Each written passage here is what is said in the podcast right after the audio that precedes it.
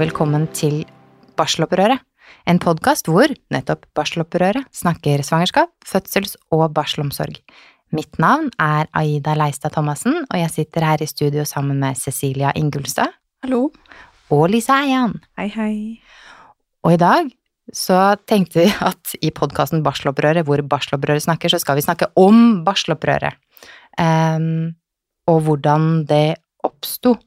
For det kan jo tenkes at eh, ikke alle vet om det fra før av, og at det kanskje også til og med kan være interessant for noen å eh, lære mer om, om opphavet til organisasjonen og de som gjør at vi sitter her.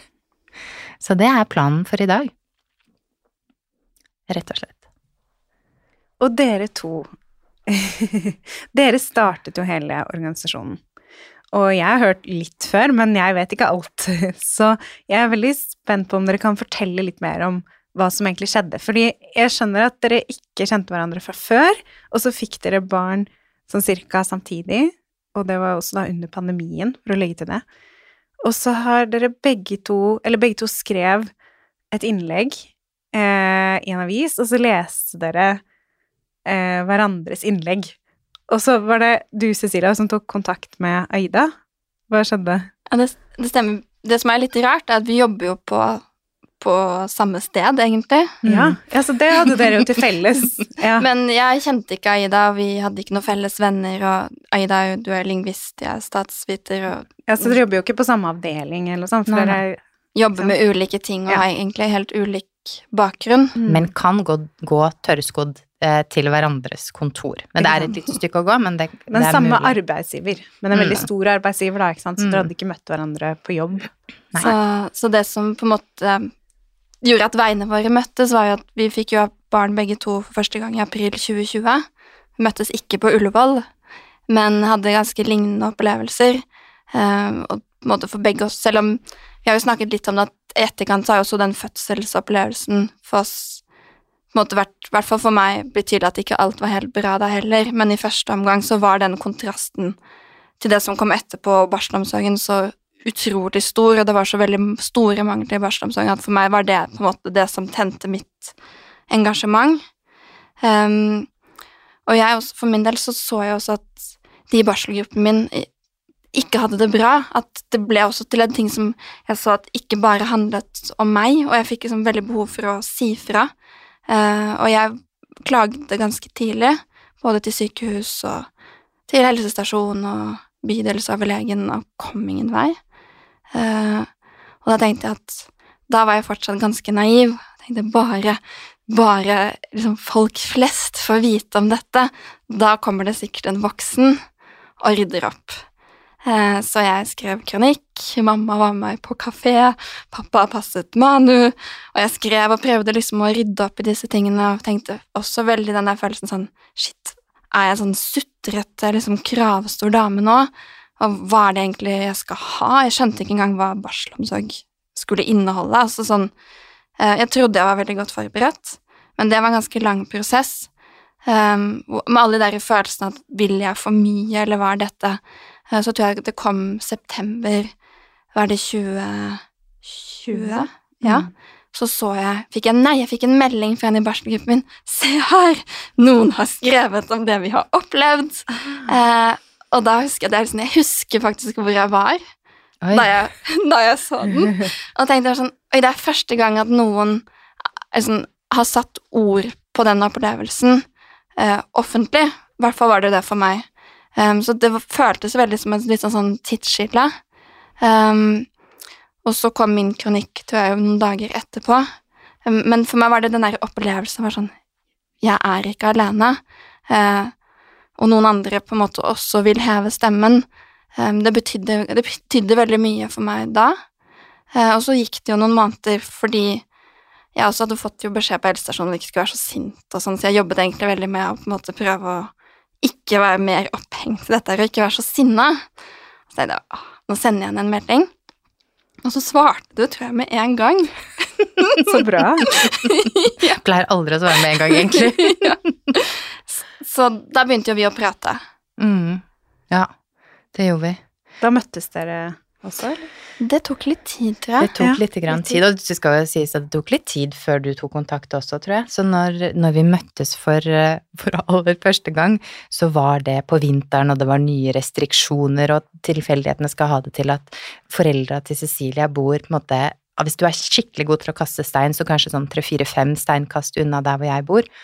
Um, så vi fant ut at vi faktisk kunne møtes, da, og liksom For Cecilia hadde vel Nei, jeg husker nesten ikke, men jeg fikk en sånn følelse at det på en måte kanskje Kanskje vi skal gjøre noe mer, liksom? Altså, Ja. er det Vil du hva noe mer neste, ikke? Hva er, hva er måte neste skritt? Nå har vi jo skrevet disse tingene i avisene, og ingenting skjedde. Eh, Jeg husker jeg oppfordra til at man skulle forske på de som fødte under pandemien, så jeg er jo veldig sånn Jeg er veldig pragmatisk. Men det var litt som å være på date, fordi Mm, vi gikk jo og snakket lenge, mm. og så helt på slutten, vet du, når du på en måte er sånn vil den andre møtes igjen, og hvordan skal man si det uten å være for needy og sånn? Ja. Så jeg tror jeg husker jeg spurte om du kunne tenke deg å gjøre noe mer. Mm. Ja. Ja. Og da sa jeg ja.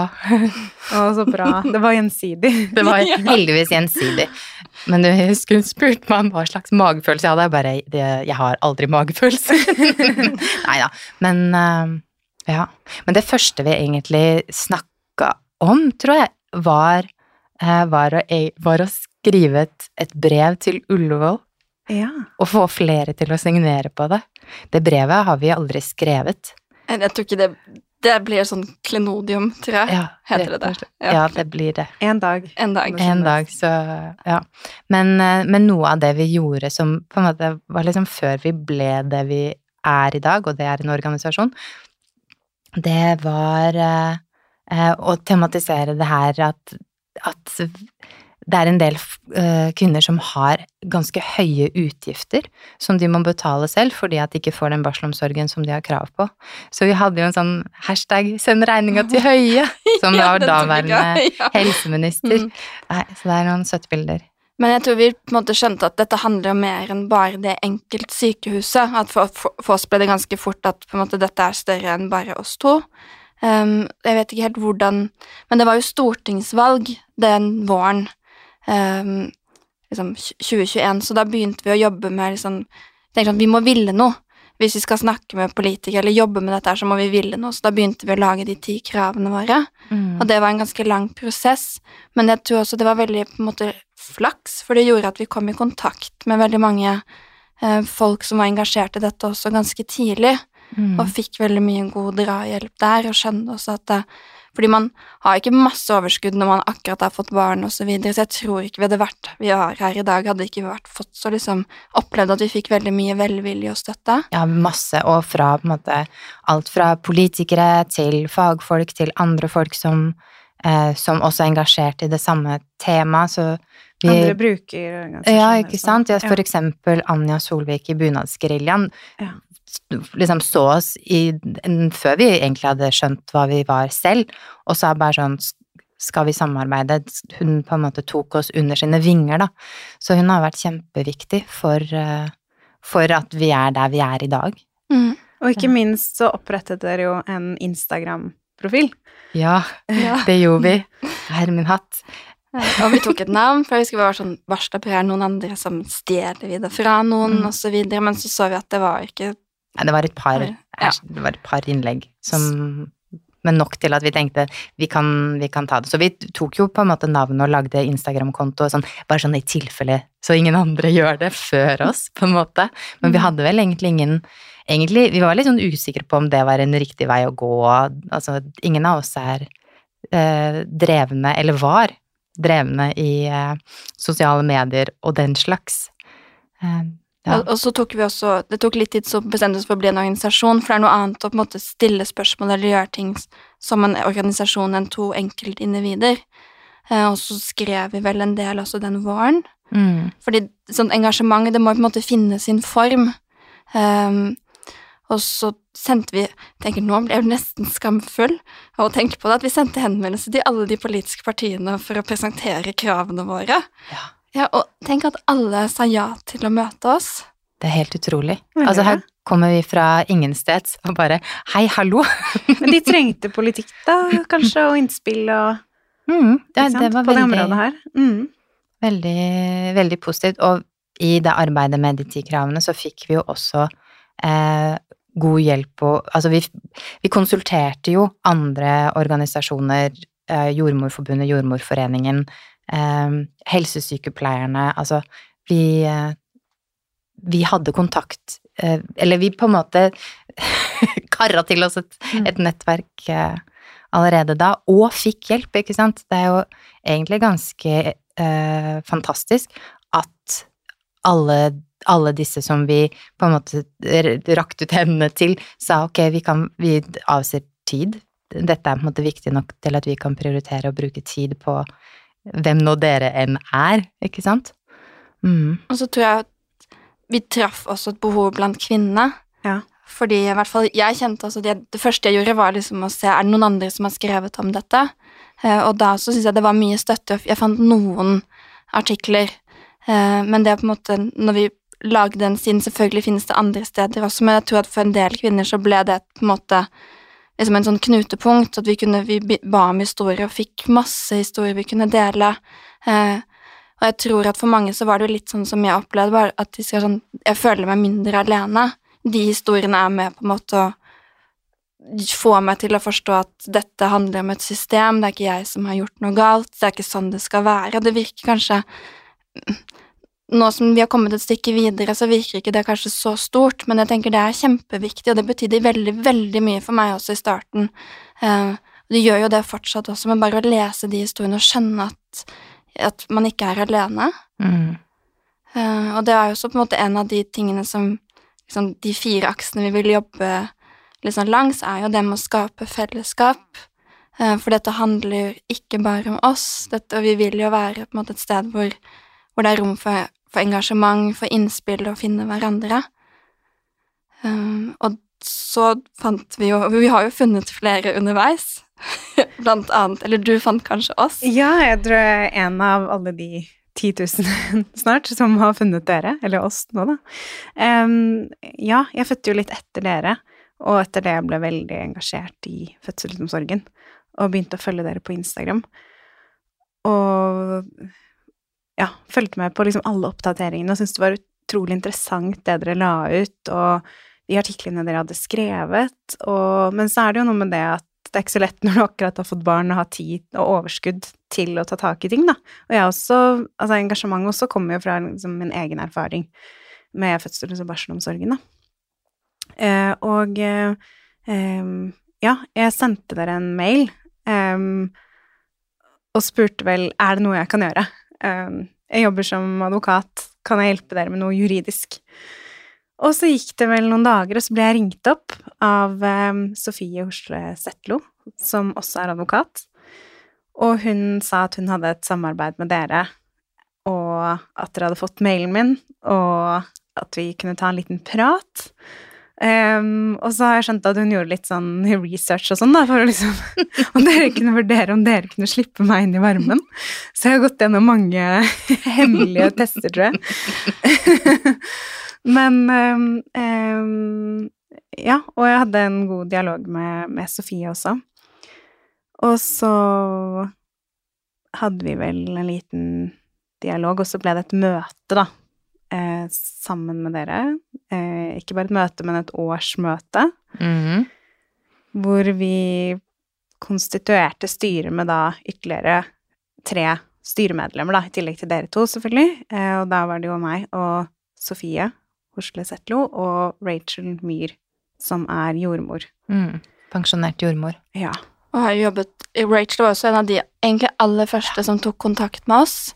Eh, Hun er jo ikke bare pensjonert jordmor, hun er jo styremedlem i Ammehjelpen, og også jordmor som har jobbet på barsel, og som brenner for barsel. Mm. Eh, og det, det er ikke så mange jordmødre som kanskje har det som sin aller, aller viktigste på en måte hjertesak. Mm. I tillegg så er hun, eh, er hun jo ammespesialist, så ja. Så hun, hun tok kontakt tidlig også og hjalp oss mye med å skjønne eksempel bemanningsnorm, eller hva er problemet på barselavdeling, hvorfor fungerer det ikke, hvorfor er det ikke synlig på sykehusene, fordi man, ja.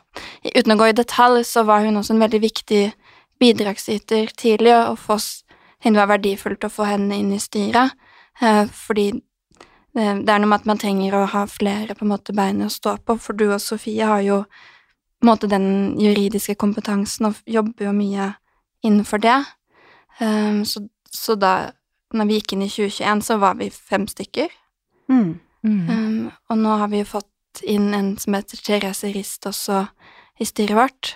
Og det tenker jeg også er kjempeviktig. Therese har jo både erfaring som journalist, ikke minst også um, fra Nord-Norge, og det er jo veldig viktig også å ha en geografisk på en måte, heter det, spredning eller representasjon i styret, fordi eh, det er mye av det samme, men samtidig er det forskjell når det er mange timer å kjøre til en fødeavdeling, og det er en annen geografi som ikke vi kjenner til på samme måte som bor her. Mm, ja. Og egentlig, ja, Therese har jo også, jeg, før hun ble med i styret i Barselopprøret, så har jo hun også skrevet, skrevet kronikker og uttalt seg om dette her i, eh, i media. Så det er, det er jo nesten litt sånn fellesnevner for de som Ja. Nei, så nå er vi noen som sitter i Oslo, og så har vi Tromsø og Kristiansand. Så ja. Og jeg tror nok at vi i hvert fall i starten tenkte at mye, veldig mye viktig arbeid med, med, det som skjer i distriktene, gjøres jo også av bunadsgeriljaen. Men um, Og vi, disse organisasjonene, vi jobber jo mye sammen, vi snakker mye sammen. Um, så Men likevel, jeg tenker vi må Det er viktig å vite hva som, hva som skjer i landet vårt, uh, og, og, være samlet. Ja. For det, alt det som egentlig skjer, tenker jeg det angår alle oss. Uh, og vi jobber kanskje med litt ulike brikker, men, men, men, Og det er litt det vi har jobbet med det siste, å vise at om man legger noe ned i nord, så er det har det noe å si egentlig for oss også, for det sier noe om hvilke prioriteringer som gjøres, og hva som anses som på en måte altså, da de, akseptabelt. Da. Ja, ikke sant. Da man la ned Eller da man gjorde om fødeavdelingen eh, i Stokmarknes til en fødestue på en måte omtrent over natta, så sier jo det noe om på en måte hvilke reduksjoner i tilbudet som er som sykehus eller helseforetak anser som måte, noe som det er tenkelig å gjennomføre, ikke sant.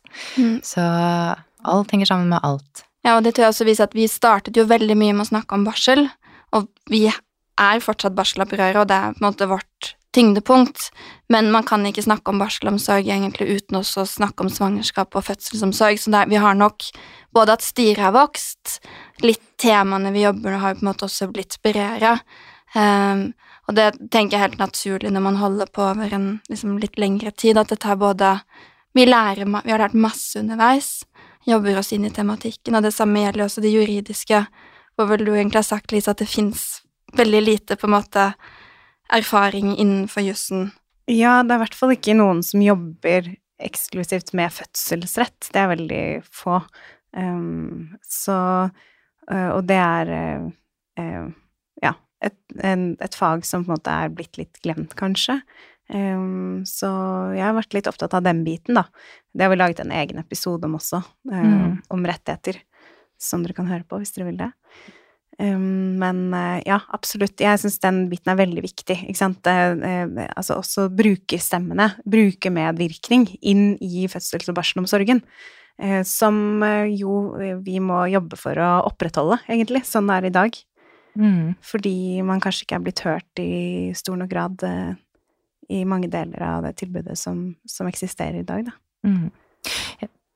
Jeg tenker at Altså når jeg tenker liksom tilbake på da vi starta og sånn, så vil jeg først og fremst si at jeg tror egentlig at, altså, at barselopprøret er en del av en, av en bølge. Altså det er Jeg opplever som at det er økt bevissthet både nasjonalt og internasjonalt på problemene i svangerskap, fødsels- og barselomsorgen um, på det jevne. Men jeg, men jeg, tror også at vi har uh, vært med på å på en måte åpne opp det rommet for å snakke om disse tingene, eh, i hvert fall måte, i det offentlige. Jeg skal ikke si at det er vår skyld, men, men jeg tror jo det kan ha hjulpet.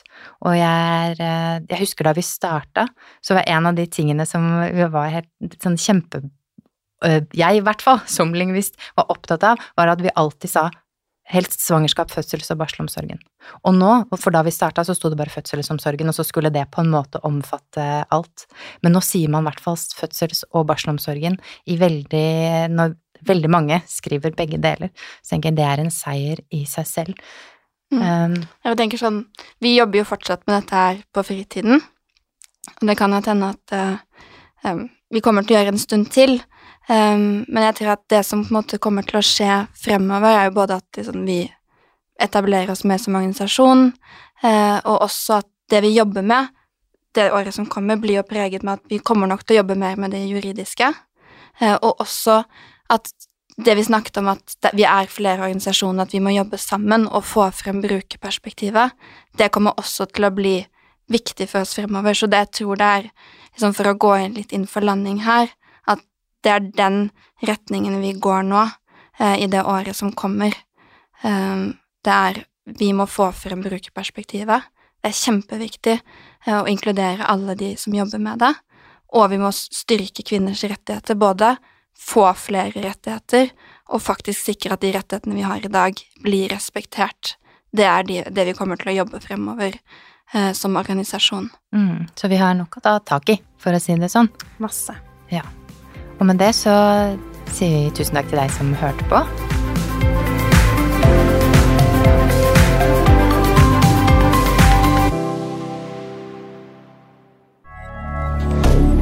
Moderne media.